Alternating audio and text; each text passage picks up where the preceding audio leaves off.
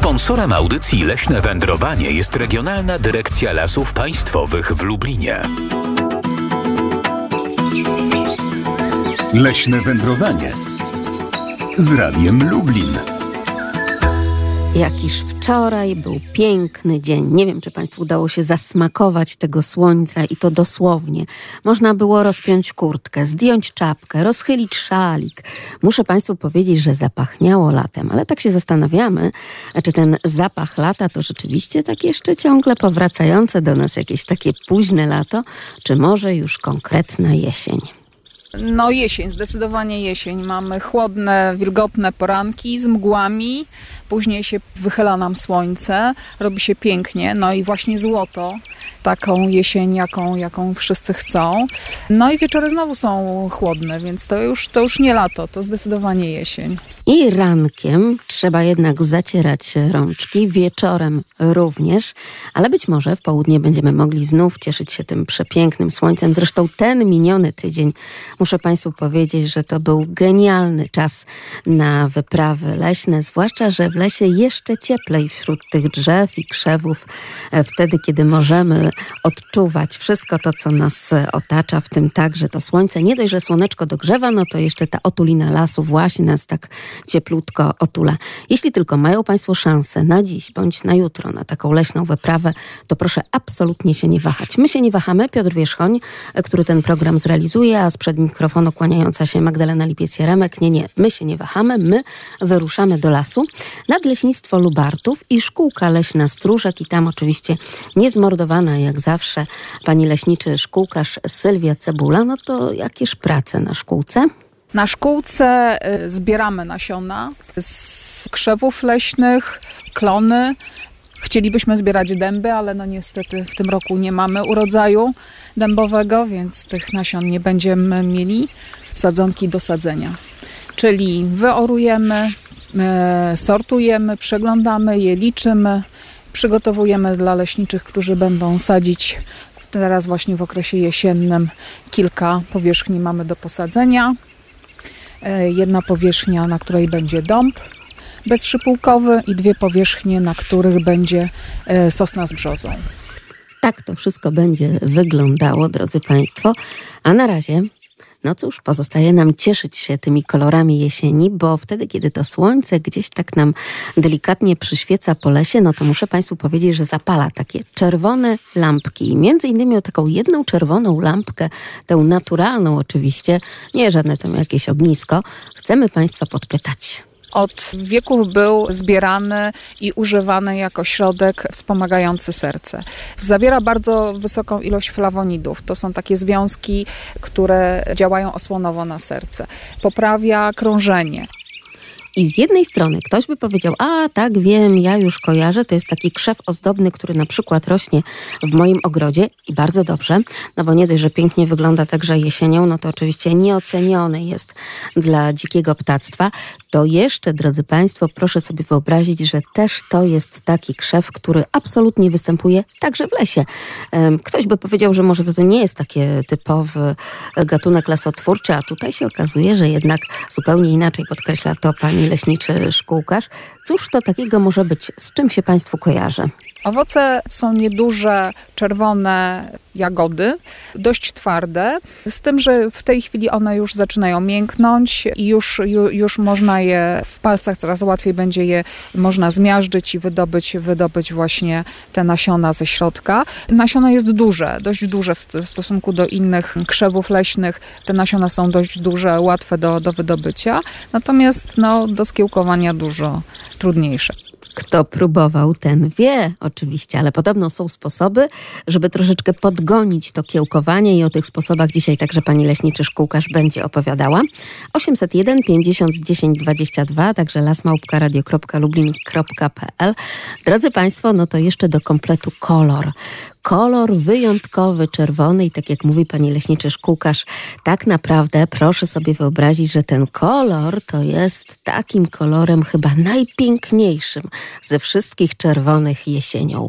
Kolor jest przepiękny, bo jest to chyba taka jedna z najciemniejszych czerwieni, która, która jest wśród owoców, chociaż jeszcze ciemniejszy jest dereń jeszcze ma głębszą czerwień, no ale dereń o tej porze to już niestety opadł, bo dereń dojrzewa nam na przełomie sierpnia i września, więc e, jego zbiór jest znacznie, znacznie wcześniejszy.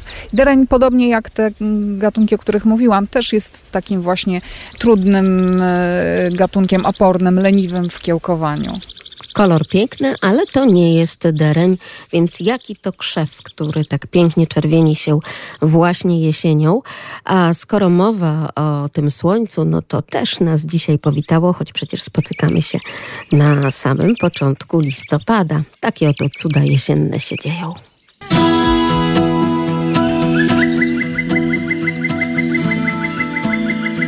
Leśne wędrowanie. Od wieków był zbierany i używany jako środek wspomagający serce. Zawiera bardzo wysoką ilość flawonidów. To są takie związki, które działają osłonowo na serce. Poprawia krążenie. Ach, przydałoby nam się czymś wspomóc naturalnym oczywiście. Te nasze skołatane nerwami serca, no bo jednak w trudnych czasach przychodzi nam żyć tak naprawdę. I rzeczywiście takie naturalne napary, herbatki, bądź też posmakowanie owoców, czy też innych soków z pewnością by nam pomogło. Dzień dobry Pani Krystyno. Dzień dobry. Pani Krystyno, to było tak, że jedni telefonowali i mówili, czy to przypadkiem nie jest kalina koralowa. Inni, że to może berberys, a Pani uważa, że to jest? Głuk. Brawo, Głuk, świetnie. Tak. Ba, bardzo piękny kolor, właśnie taki czerwony, mocny. Też się Pani podoba. Bardzo mi się podoba, bo mam taki krzewik. No proszę. I korzysta Pani z niego? Co nie, można no zrobić? jeszcze, jeszcze nie korzystałam e, w żaden sposób z głogu. Nie mam przekonania, jakoś nie mam przepisów. No to też kwestia tego, że trzeba wiedzieć, prawda? No na pewno. Na Gdzie pewno. i jak zebrać, bo to, a to czy przy, przed przemrożeniem, czy po przemrożeniu no te właśnie, owoce, tak, prawda? tak. Więc żeby sobie nie zaszkodzić. Ja rozumiem tę ostrożność, ale może teraz w dobie internetu warto gdzieś tam poszperać, poszukać jakichś No na zdrowotnych przepisów, ale i tak jest dobrze, bo cieszy oko i z pewnością no, jakieś tam ptaszory przychodzą, prawda, żeby się no, na poczęstować. pewno, tak, bardzo długo, bo on dość długo wisi i Mhm. jest taki ładny, dekoracyjny, nawet dla ozdoby. Pani mówi o takim typowo czerwonym, a nasz ekspert, bo muszę Państwu powiedzieć, że wśród radiosłuchaczy mamy także eksperta ogrodnictwa. Pan Piotr pisze, że mamy głogi jedno- i dwuszyjkowe, mamy karłowe, mamy białe, różowe, więc tych odmian okazuje się, że jest całkiem, całkiem sporo, a my mówimy o tym takim typowym, także występującym w lasach, więc tym jak najbardziej czerwonym. Jak tam temperatura u Pani dzisiaj? E, No tak jest y, troszkę chłodniej, ale słonecznie, także bardzo przyjemny dzień na pewno będzie. A na słońcu w środku dnia to może być nawet o tak bardzo ciepło, że rzeczywiście też gdzieś tam e, te podwójne warstwy można z siebie zdjąć, bo tak, ja tak dużo też było. korzystam ze słońca, dużo chodzę po dworze. Mam e, właśnie troszeczkę prac takich polowych. Tak e, właśnie myślałam, że tam w gdzieś wokół ogrodzie, ogródka się pani W krząta. ogródku, tak, w ogródku i na podwórku mam troszeczkę właśnie inwentarza, także mam dużo chodzę po dworze i korzystam ze słońca. I tak trzymać. Zdrowia pani życzymy, tak jak i wszystkim No, naszym radiosłuchaczom. Dziękuję I pięknie. dla wszystkich słuchaczy też dużo zdrowia i właśnie udanego weekendu. Bardzo dziękujemy za te szczere życzenia. Wszystkiego dobrego Pani Krystyno. Tak jest, Dziękuję. drodzy Państwo. Dziękuję. E, Potwierdzenie oczywiście od Pani Sylwii Cebuli, Pani leśniczy szkółkarz, leśnictwo, nadleśnictwo Lubardów, a leśnictwo szkółka Stróżek oczywiście. Tak jest, drodzy Państwo, chodziło nam o głuk. I do tej pory w farmacji jest wykorzystywany do różnych preparatów, które są dostępne w aptekach. Są właśnie często z wyciągiem z głogu albo z sokiem z głogu. To właśnie z tego to nie jest żadna egzotyczna roślina pochodząca gdzieś ze świata. To są te właśnie głogi, które rosną u nas w lesie. I takie głogi rosną także na szkółce. Proszę sobie wyobrazić, na szkółce typowo leśnej e, rośnie i głuk, i kalina. No właśnie, to są typowo leśne gatunki. Tych typowo leśnych gatunków jest naprawdę całe mnóstwo, bo poza głogiem, kaliną, które są takie najpopularniejsze, jeszcze mamy trzmielinę, zwyczajną, brodawkowatą, y, szakłak, kruszyna, pokrzyk wilcza jagoda nawet, trująca roślina leśna, bzy bezkoralowy, bezczarny, dziki. Tych gatunków jest naprawdę całe, całe, całe wielkie mnóstwo. Wiele z nich się rozsiewa samych w lesie, nie potrzebuje naszej pomocy. Natomiast y, drzewostany, które są, las, który jest y, świeżo zakładany, no tam nie ma takich, takich właśnie gatunków wzbogacających. Te gatunki nie tylko wzbogacają zbiorowisko leśne, ale też glebę, bo liście, które opadają z tych krzewów, one świetnie rozkładają się i są świetnym, świetnym nawozem dla gleby leśnej. I tak oto nam się to wszystko po raz kolejny tak pięknie uzupełnia, drodzy Państwo, w tym naszym wspaniałym lesie. Ale w lesie, wtedy kiedy spacerowaliśmy z panią Sylwią Cebulą, nawet tak w okolicach samej szkółki Stróżek, nagle zobaczyłam gdzieś tak rzuconą jakby pod sosną taką szmatę całkiem sporych rozmiarów, no brudno-szaro, taka mm, siwawa, tak to wyglądało. Zastanawiałam się, co to jest i kto to tak i czym tak śmieci w lesie. Wygląda jak kawałek porzuconej szmaty.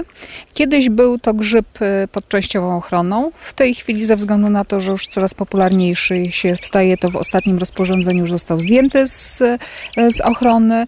Są ludzie, którzy przyrządzają potrawy z niego. Cóż to może być za grzyb, a nie szmata? On tylko tak wygląda, ale no, co to swoją drogą za grzyb, który nie ma kapelusza? Nie ma kapelusza, wygląda właśnie jak taka poszarpana szmatka w kolorze kremowym, od kremowego do, do, do brązowego. E, I bardzo często on właśnie sobie rośnie praktycznie przy samym pniu sosny. Czasami ten owocnik jest e, wielkości dwóch jabłek, a czasami wielkości kapusty. No, całkiem spory i tak też duży był ten w lasach lubartowskich, drodzy Państwo, i podobno można go z apetytem zajadać. No, ja nie jadłam, nie próbowałam. On ma zdecydowanie taki grzybowy smak, a są też ludzie, którzy marynują. Smak ma grzybowy, no bo to przecież grzyb, ale grzyb jak szmata. Cóż to może być 801 50 10 22? Takie oto pytania, e, kiedy Państwo między innymi piszą na lasmałparadio.lublin.pl, czy jak Pani jesienią wędruje po ścieżkach leśnych, to czy gdzieś tam jeszcze jakieś grzyby są? No to znaleźliśmy grzyba, ale grzyb jak szmata? E, tak, niektórzy to nazywają ten grzyb e, kwoką. O proszę, to baranem, bardzo ciekawa nazwa Pani baranem, Marianno. Baranem nawet. Że taki tak, pokarbowany y, i trochę tak jak kulka wełny. Tak. Tak. tak, tak, on z daleka przypomina kalafior lub jakąś główkę kapusty, tak. coś takiego. I właśnie y, pani Angelika pyta, czy to boczniak. Pan Józef pyta, czy to siedzuń y, sosnowy. Co pani na to? E, nie, nie, nie. Ja uważam, że nie. Bo y, boczniak nie wiem, ja nie znam boczniaka, bo to są raczej te grzyby takie... No one właśnie chyba mają kapelusz, prawda? Tak, tak, tak, ale ja nie, nie znam boczniaków. Nie, nie spożywałam boczniaków. No jeżeli chodzi o szmaciaka, to jest y, grzybem pasożytem i on y, pasożytuje na korzeniach, na pniach jakichś starych, osłabionych Dlatego właśnie tak sobie y, upodobał to miejsce, prawda? Tak, i on czasami właśnie jest już przy świerkach, ale rzadziej, bardziej przy sosnach, czasami przy modrzewiach ale też bardzo rzadko, zresztą w ogóle jest to grzyb bardzo rzadko spotykany. Ja w tym roku tylko raz spotkałam tego grzyba, ale ludzie nie znają. Szłam z koleżanką i zauważyłam właśnie szmaciaka, był taki dorodny, piękny, duży, rozłożysty. Tak, ale, ale, ale i później sobie ta moja koleżanka właśnie zapamiętywała, jaki to grzyb. Mówi, no szmaciak, szmaciak gałęzisty, tak. Bardzo dziękujemy, że tak wyraźnie pani nam podała tę nazwę. Pani Marianno, tak jest, szmaciak gałęzisty. Ale jak go pani spotkała, ten jeden, jedyny raz podczas grzybobrania, czy pokusiła się pani o to, żeby go zerwać i w domu przyrządzić? O nie, nie, nie, nie, nie, nie, nie, nie, nie, nie, nie. Ja to się tylko tak zastanawiam, czy on rzeczywiście tak dość apetycznie by wyglądał, taki zamarynowany w słoiku, no bo Nie ma też taką strukturę, prawda? Trochę wygląda tak jak, Tak. nie wiem, jakiś Nie. mózg. No, jest to grzyb jadalny, tak, ale, ale nie, ja bym tego grzyba nie zamarynowała. A jak się udało w takim razie tegoroczne grzybobranie? Raczej tak. Tak, nie było takiego dużego wysypu, jak to było rok temu, dwa lata temu, ale można było zebrać. Jeszcze teraz, jeszcze wczoraj bodaj, że tam z koleżanką chodziłyśmy po lesie, to jeszcze gdzie niegdzie pod grzybek, ale raczej już robaczywe te grzyby. Trochę gąsek, A jakie gąski pani zbiera? zielone, siwe. Czyli tak tradycyjnie i te rzeczywiście. Tradycyjnie, bo tak, tak, tak, bo innych, innych raczej nie ma. Także gdzie niegdzie te siwe gąski, te właśnie więcej zielonych, tak. Czy to prawda, że ten szmaciak gałęzisty w niektórych rejonach nazywany jest kozią brodą? Tak, prawda, prawda. Jest nazywany kozią brodą. Oryszem czasami, szczepiakiem, Bardzo ciekawe. No bardzo ciekawe nazwy nam pani tutaj zaprezentowała i pełna wiedza. To jeszcze tylko proszę do kompletu podać, jak tam temperatura u państwa? No w tej chwili jest troszeczkę ale jest ciszej, jest cieplej niż wczoraj. Nawet nie sprawdzałam na termometrze, ale tak około, około 8-10 stopni będzie. To chyba całkiem sporo, prawda? Jak na początek listopada i na No ciągle pewnie, jeszcze no rano. Tak, pewnie. A jeszcze co o tym szmaciaku Tak? czytałam e, dawniej, że, e, że właśnie e, zawie, owocniki zawierają, zawierają taką substancję silnie antybiotykową, antybiotyczną. No proszę. Czyli jednak zdrowie w lesie nas po prostu otacza dookoła. No pewnie, to jest odporność, to jest zdrowie, to jest wentylacja płuc, to jest ochrona serca, mózgu i w ogóle, i w ogóle. Także spacerować, spacerować, nawet w deszczu spacerować. To jest, to jest zdrowie. Bardzo dziękuję, że mnie pani wyręczyła i podała te wszystkie hasła, bo my tak samo myślimy i to samo chcemy tutaj z anteny leśnego wędrowania państwu przekazywać. Dziękuję pięknie. Ja tak czynię, ja tak czynię. Codziennie spacery. I tego się trzymajmy. Mamy jeszcze Dziękuję potwierdzenie. bardzo. Dziękuję pięknie. Oczywiście do widzenia. do usłyszenia i do zobaczenia, może gdzieś tam do spotkania pani Marianno na ścieżkach leśnych. Kto wie, kto wie. Potwierdzenie jeszcze oczywiście od naszej ekspertki, od pani Sylwii Cebuli, która razem ze mną właśnie pod tą sosną takiego szmaciaka gałęzistego oglądała. Dotykałyśmy go sobie ze wszystkich stron, ale też zostawiłyśmy go, żeby został tam, gdzie rośnie. A to jest y, grzyb, szmaciak gałęzisty. Mam nadzieję, że teraz już Państwo zapamiętają, że to tym razem nie, nie, nie, nie, żaden boczniak, ani też nie siedzuń sosnowy, tylko coś zupełnie innego. 801 50 10 22, także 81 743 7383. Niezmiennie czekamy na Państwa historie i opowieści e, o tych Państwa wędrówkach leśnych. Porozmawiamy sobie o tym tuż po ósmej po serwisie informacyjnym. Sponsorem audycji Leśne Wędrowanie jest Regionalna Dyrekcja Lasów Państwowych w Lublinie. Sponsorem audycji Leśne Wędrowanie jest Regionalna Dyrekcja Lasów Państwowych w Lublinie. Leśne wędrowanie z Radiem Lublin. Mówiliśmy o głogu, czy o wszystkich innych różnych takich delikatnie czerwieniejących się koralach wtedy, kiedy zaświeci jesienne słońce w lesie, bo tak jak mówi pani Sylwia Cebula, pani leśniczy szkółkarz, las to jeden wielki, wspaniały organizm. Las to jest jeden duży organizm, który składa się z bardzo wielu elementów i trzeba pieczołowicie dbać o każdy z tych elementów. Nie można hołbić jednego, a zaniedbywać drugiego. Tak jak u człowieka. No każdy, każdy organ jest ważny. Nie da się żyć bez, bez, bez któregoś z organów.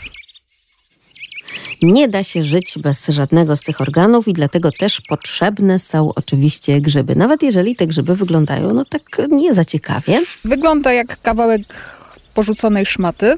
I okazuje się, że w sprawie tej szmaty musimy dokonać pewnych sprostowań.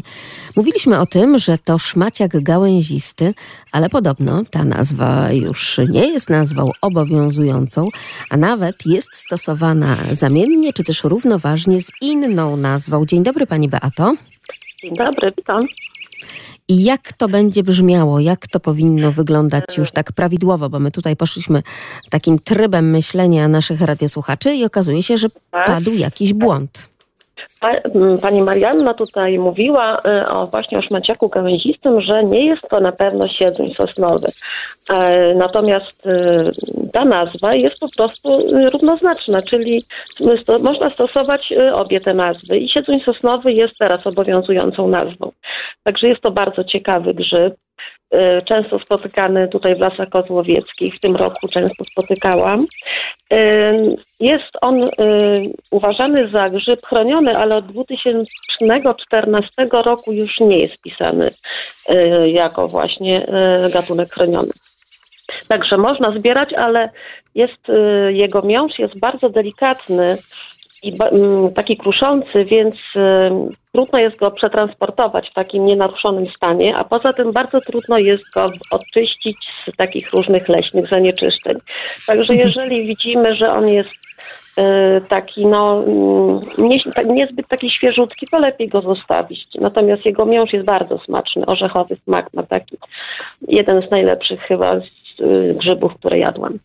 No, Także- przemawia przez panią doświadczenie, pani Beato. A w jakiej postaci, znaczy, jaka to była potrawa? Ja, ja smażyłam y, właśnie siedzunia jako taką, można z cebulką usmażyć, dodają też do jajecznicy, także bardzo smaczny grzyb. No ale jeżeli właśnie y, widzimy, że jest zanieczyszczony, to lepiej go zostawić, bo jednak nie jest aż tak bardzo częstym grzybem.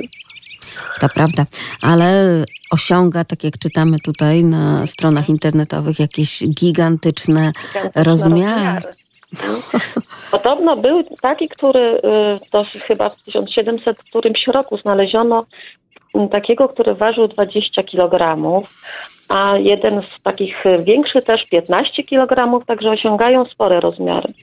No i warto dodać, że y, co roku tylko jeden raz wydaje owocnik ten grzyb. No proszę. Dlatego tak rzadko go jednak spotkać, ale tutaj dobra podpowiedź, czyli Lasy Kozłowieckie, teren Nadleśnictwa Lubartów. No i właśnie my też tam widzieliśmy, tuż przy szkółce. Stróżek, więc znamy te tereny i wiemy już, gdzie szukać.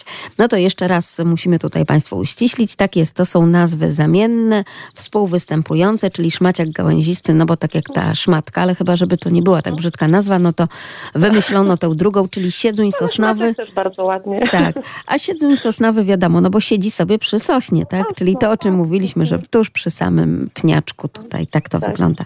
Świetnie Pani Beato, udanego grzybobrania po raz kolejny Pani życzymy. bardzo I pozdrawiam wszystkich. Pozdrawiamy również, a my rozglądamy się dalej po lesie.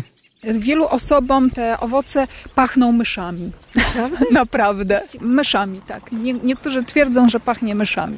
Cóż to takiego może być?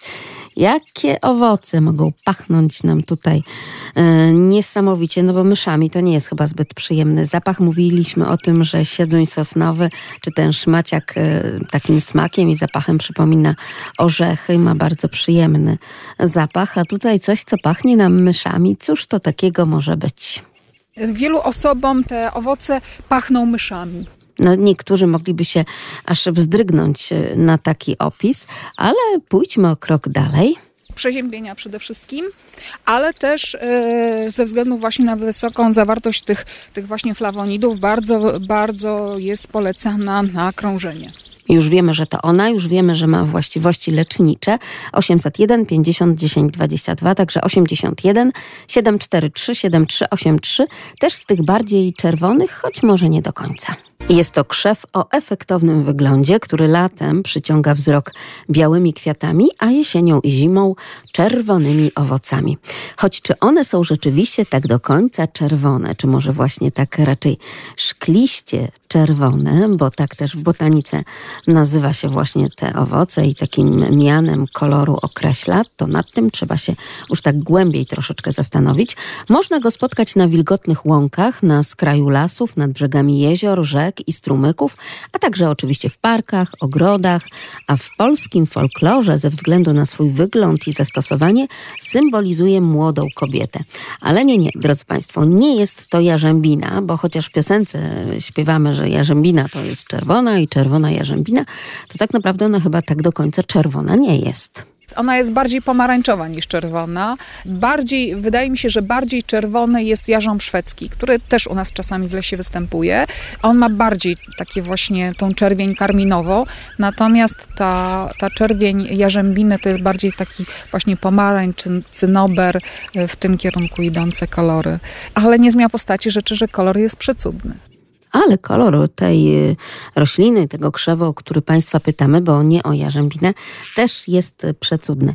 No to proszę powiedzieć, tym razem o kim mowa? 801 50 10 22, a także lasmałpka.radio.lubliny.pl No bo tych trudno wschodzących, tych trudno kiełkujących, ale tak pięknych i wielobarwnych y, właśnie krzewów całkiem sporo w lasach. Te sadzonki tych naszych krzewów owocowych, leśnych, one są bardzo trudne w hodowli w, takim znaczeniu, że trudno je zmusić, żeby wykiełkowały. I y, są różne metody, żeby, żeby, żeby one zaczęły kiełkować w, w glebie. Jedna metoda to jest taka właśnie, że się zbiera je, jak one jeszcze nie są w pełni dojrzałe, ale to jest tak wąski fragment, kiedy można wstrzelić w ten moment, kiedy one zaczną kiełkować, że to jest taka troszeczkę loteria.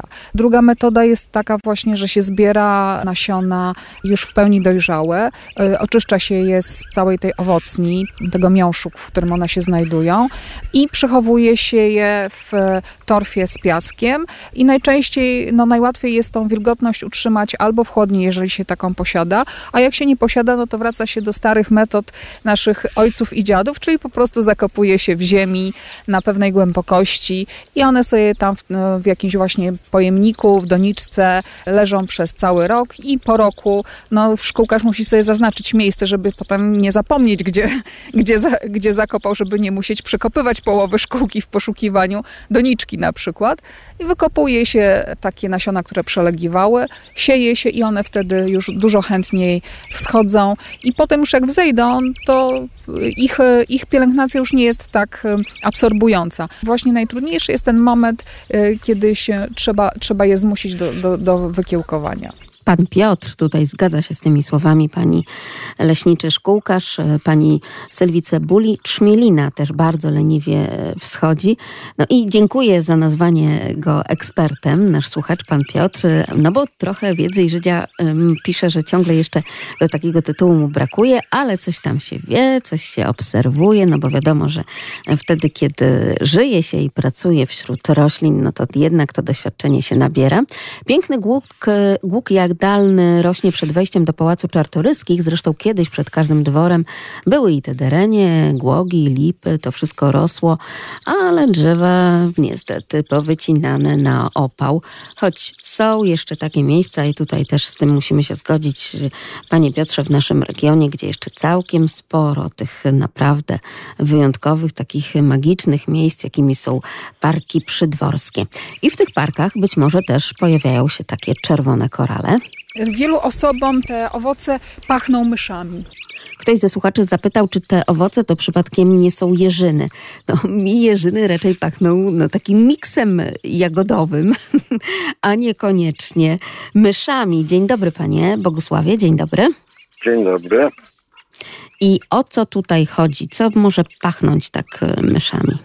No to kalina. Kalina ma takie bardzo intensywne czerwone owocniki. No to jest taki krzew, który zarasta nawet i do 3-4 metrów. Wszystko się zgadza. E, w Lublinie możemy obserwować, prawda, Kalinę, bo pan też z Lublina? No, to znaczy w Lublinie akurat, to, e, a widziałem, widziałem w jednym miejscu, tak, widziałem w jednym miejscu, to jest tam na osiedlu naukowskich, widziałem taki krzew, ale to bardzo rzadko, raczej częściej można w lasach spotkać bo to są prawdopodobnie samosiejki takie roznoszą to i No właśnie, bo tutaj ciągle mówimy o tym, że one tak ciężko wschodzą i tak dalej, ale wtedy, kiedy ptaki biorą się za robotę i e, kiedy nie ma nad nimi człowieka, który tam podkręca śrubę, no wzejdziesz czy nie wzejdziesz, to jednak e, sam gdzieś sobie w lesie Tak, ten tak, krzew poradzi, prawda? E, I czy zgadza się pan z tym, że rzeczywiście to mm, te owoce to tak nie taki typowy, prawda, e, czerwony kolor, no bo po przekrojeniu, no widzimy tutaj, że to troszeczkę tak jak szkiełko zabarwione na czerwono, czyli właśnie takie szkliście e, czerwone, tak to wygląda. A proszę powiedzieć, czy jeśli chodzi o takie kwestie związane z medycyną, nie tylko ludową, ale generalnie, czy stosował pan e, w jakiś sposób kalinę? To znaczy prawdopodobnie e, ona pomaga na jakieś tam przeziębienia, na czymś. Ja próbowałem to jeść kiedyś jeszcze w dzieciństwie, tylko że już jak one były przemarznięte, były taki, no one mają taki intensywny sok, jest tak, taki bordowy, krwisty taki. No ale trudno mi powiedzieć, czy one na coś pomagają. Jak to zwykle bywa, to że prawdopodobnie na wszystko, a czy do końca tak jest. Ja myślę, że jeśli chodzi o to ziołolecznictwo, y, w tym przypadku to takie bardziej krzewolecznictwo, to raczej chodzi o systematyczność, prawda? O to, że systematycznie w jakiś sposób czegoś tam zażywamy, no to możemy wtedy obserwować te skutki dodatnie, oby nieujemne.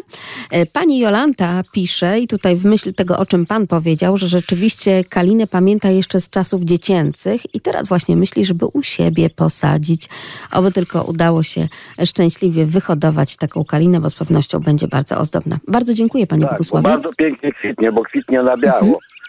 A później właśnie jak te owocniki są takie bordowe, czerwone takie, też to bardzo ładnie takie go. Ładnie to wszystko wygląda, zwłaszcza, że to takie pełne grona. Wszystko się zgadza. Dziękujemy bardzo panu Dziękuję Bogusławowi. bardzo. Dziękuję. Do usłyszenia. A teraz jeszcze powróćmy w takim razie do tych opisów krzewu kaliny. Kalina jest zdecydowanie czerwona i to jest taka czerwień, czerwień. Aczkolwiek same owoce kaliny, one są, mówi się szkliste, bo faktycznie ten miąższ jest taki półprzeźroczysty. Kalina od zawsze była stosowana w, w takim ziołolecznictwie, w lecznictwie ludowym. Natomiast nie wszyscy lubią kalinę z tego względu, że wielu osobom te owoce pachną myszami. Naprawdę. Myszami, tak. Nie, niektórzy twierdzą, że pachnie myszami. Przeziębienia przede wszystkim, ale też e, ze względu właśnie na wysoką zawartość tych, tych właśnie flawonidów bardzo, bardzo jest polecana na krążenie. Wszystko się zgadza, więc mamy pełen opis. No to jeszcze powróćmy, jak wygląda sam krzew. Krzew jest e, niedużym, takim, ale dość rozłożystym, e, jeżeli ma dość słońca, e, krzakiem. Liście ma, to się nazywa klapowe, klapowate, czyli takie podobne troszeczkę jakby miniaturki liścia klonowego. Tak w przybliżeniu opisując. Na jesieni pięknie się przebarwiają te liście na kolory właśnie żółto-pomarańczowo-czerwone, nawet do ciemnoczerwonego. Kalina kwitnie na biało. Te kwiaty również niektórym pachną albo śmierdzą myszami.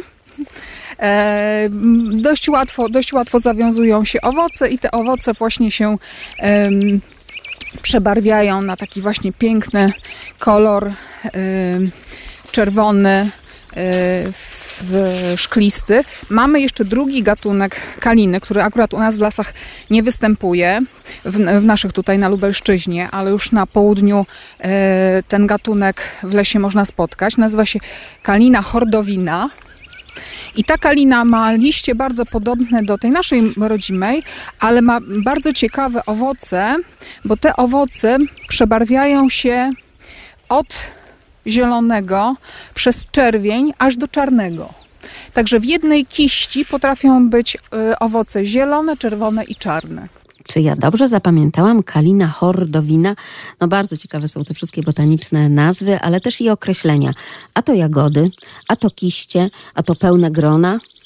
Głuk jest w małych, w małych takich koszyczkach zebrany, natomiast w jarzębina, jarzębina i kalina są w dość dużych kiściach. Takich właśnie, również kwiaty są w takich, w takich dużych, dość dużych baldachach i w tych baldachach y, kwiatowych rozwijają się owoce i potem właśnie takie, tworzą, tworzą takie zjawiskowe y, kiście czerwonych owoców. I dlatego warto czasami zboczyć gdzieś z tej leśnej trasy i udać się na szkółkę leśną, bo tam tyle ciekawych kolorów i oczywiście opowieści, tak jak na leśnej szkółce Stróżek w Nadleśnictwie Lubartów u pani leśniczy szkółkarz Sylwii Cebuli. Leśne wędrowanie z Radiem Lublin. Kilka dni temu nad Góreckiem przeleciało cztery klucze żurawi. W każdym mniej więcej około 25 sztuk. Kierowały się z północnego zachodu na południowy wschód. W dalszym ciągu na łąkach przyległych do Rostoczańskiego Parku Narodowego przechadza się samotnik. Oczywiście zrywa się, gdy tylko kierujemy swoje kroki w tym właśnie jego kierunku. My sami korzystamy z pięknej pogody i nadrabiamy zaległości z tego roku. Podobnie jak dla wielu znajomych, dla nas też był to niezbyt przyjazny rok. W ogrodzie ogólnie same straty. Przyjęte na ten rok plany też trudno było zrealizować. Jak to w przyrodzie bywa, natura rekompensuje swoje kaprysy. Większość prac udało się nadrobić, zapał do pracy też powrócił. A młodzi leśnicy, z zapałem również, startują w zawodowe życie. Mam tutaj na myśli mojego młodszego syna, Kamila, który od grudnia ubiegłego roku w ramach umowy na czas nieokreślony pracuje w leśnictwie Kosobuty Rosoczańskiego Parku Narodowego. Od kilku tygodni urządza leśniczówkę. Może w przyszłości leśne wędrowanie realizowane będzie właśnie stamtąd. Oczywiście znajdujemy też czas na spacery z aparatem fotograficznym, aby zapisać dla potomnych uroki tegorocznej jesieni. Pozdrowienia dla pani redaktor, ekipy Leśnego Wędrowania i wszystkich radiosłuchaczy. Pan Marian z Górecka Kościelnego. I cytując oczywiście słowa także z audycji, u nas też większość spraw się zazębia. My takie konkretne zęby też Państwu pokazujemy na naszym portalu społecznościowym Facebook. Wystarczy wyszukać nazwę audycji Leśne Wędrowanie i tam znajdą Państwo oczywiście to wgryzanie się w tematy oczywiście i jesienne i leśne przede wszystkim. Polecamy Państwu i dziękujemy za ten piękny list z opisem życia w Górecku Kościelnym. Musimy koniecznie tam jeszcze trafić. Drodzy Państwo, a jeżeli mowa o tym, że ciągle jeszcze ktoś gdzieś słyszy i widzi przylatujące żurawie, no to powracamy na teren Nadleśnictwa Włodawa, gdzieś tam nad stawy, gdzie rzeczywiście też jeszcze całkiem nieźle i na niebie, i na ziemi się dzieje.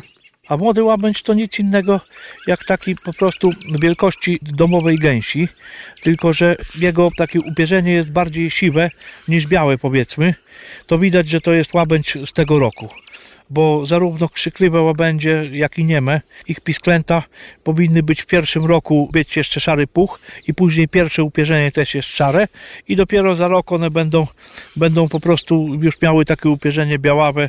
Jeszcze w następnym roku one są szare właściwie i dopiero po dwóch latach one są zupełnie białe, chociaż jest jeden wyjątek oczywiście, bo przyroda nie znosi próżni.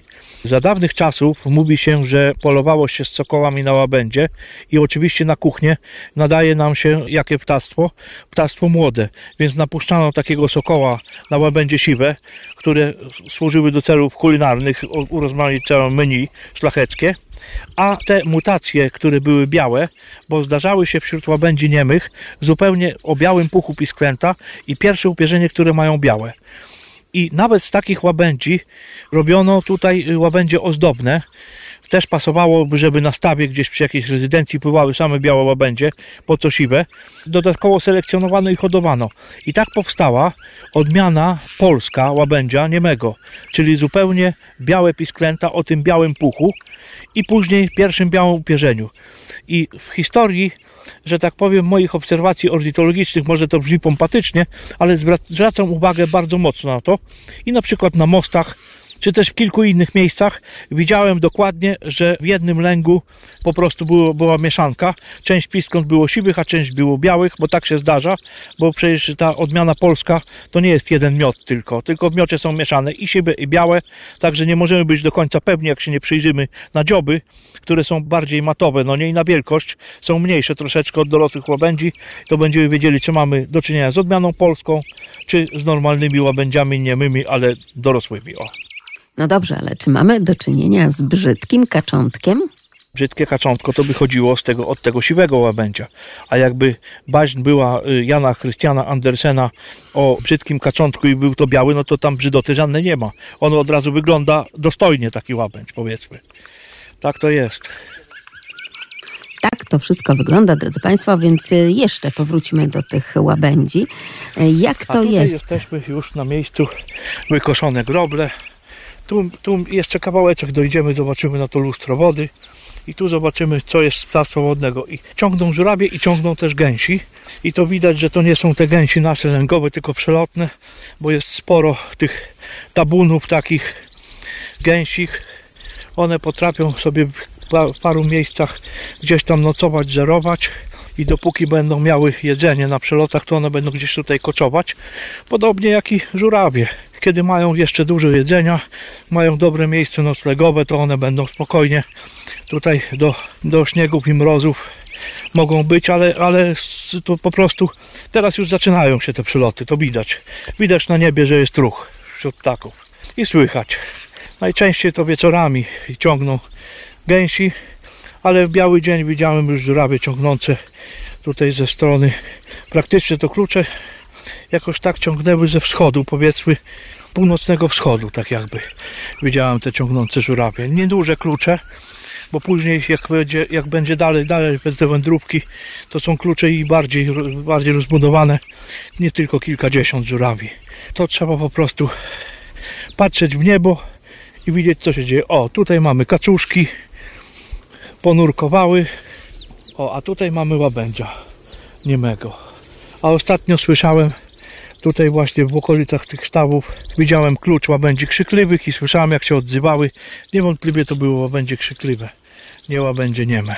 No bo jak krzykliwe, no to musiało ich być naprawdę całkiem wyraźnie słychać, drodzy Państwo. Trzeba tutaj sięgnąć jeszcze do lata i zawsze takim miarodajnym pierwszym ptakiem, który wszyscy potrafimy rozpoznać, to jest bocian i wszyscy się żywo interesujemy, kiedy te bociany odlatują. W tym roku to się troszeczkę przesunęło. Jeszcze 15 bociany były. Półtorej tygodnia później już ich nie było, tylko pojedyncze osobniki. A teraz właśnie obserwujemy przeloty żurawi. Już kilka stadek nad miastem Włodawa widziałem, takich, które ciągnęły i słychać było z daleka ich głosy. Wszystko słychać, wszystko widać, tylko trzeba mieć naprawdę oczy i uszy szeroko otwarte. A teraz, co dzieje się w przyrodzie? O, proszę bardzo. Tutaj kaczuszki poleciały, tam kaczuszki i one tutaj też intensywnie żerują, ale kaczki w odróżnieniu od żurawi, to tutaj część, można powiedzieć, jeszcze doleci z północy tych kaczek i zimą, jak robimy liczenia ptaków wodnych, zawsze, ale to zawsze około 200-300 kaczek zimuje na Bugu blisko Włodawy, krzyżówek i wśród nich jest kilka ceraneczek i czasami gągoły też. Te kaczki gągoły, które gnieżdżą się w dziuplach. Takie medialne, bo o nich zawsze w większości filmów przyrodniczych się mówi, że gnieżdżą się w dziuplach, a później młode wyskakują. To właśnie o tych kaczkach mówię. Nie tylko w filmach, ale także, proszę bardzo, w leśnym wędrowaniu, w audycji radiowej też o nich mówimy. Mówimy także o kimś, kto tak pięknie nam gruchał jakieś dwie, trzy audycje temu, no bo też czas na nich.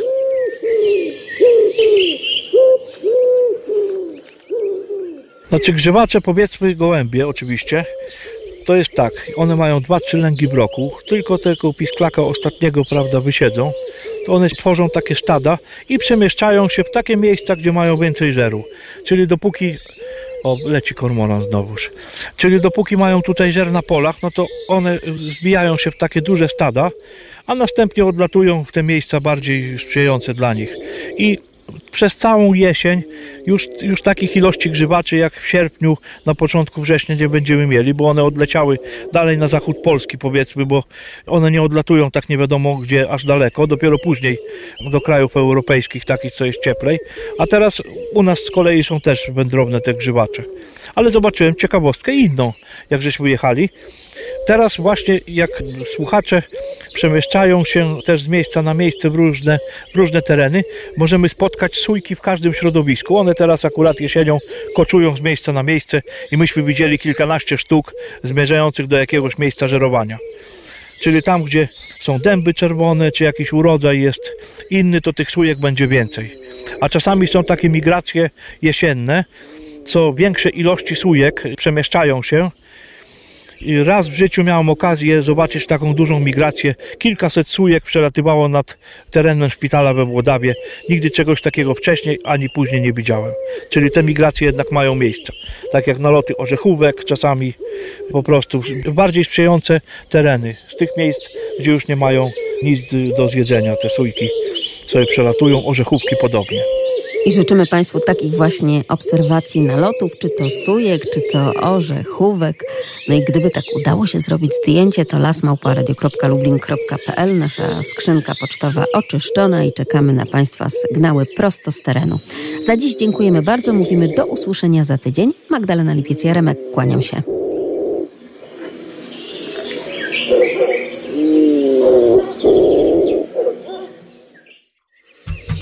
Sponsorem audycji Leśne Wędrowanie jest Regionalna Dyrekcja Lasów Państwowych w Lublinie. Leśne wędrowanie z Radiem Lublin.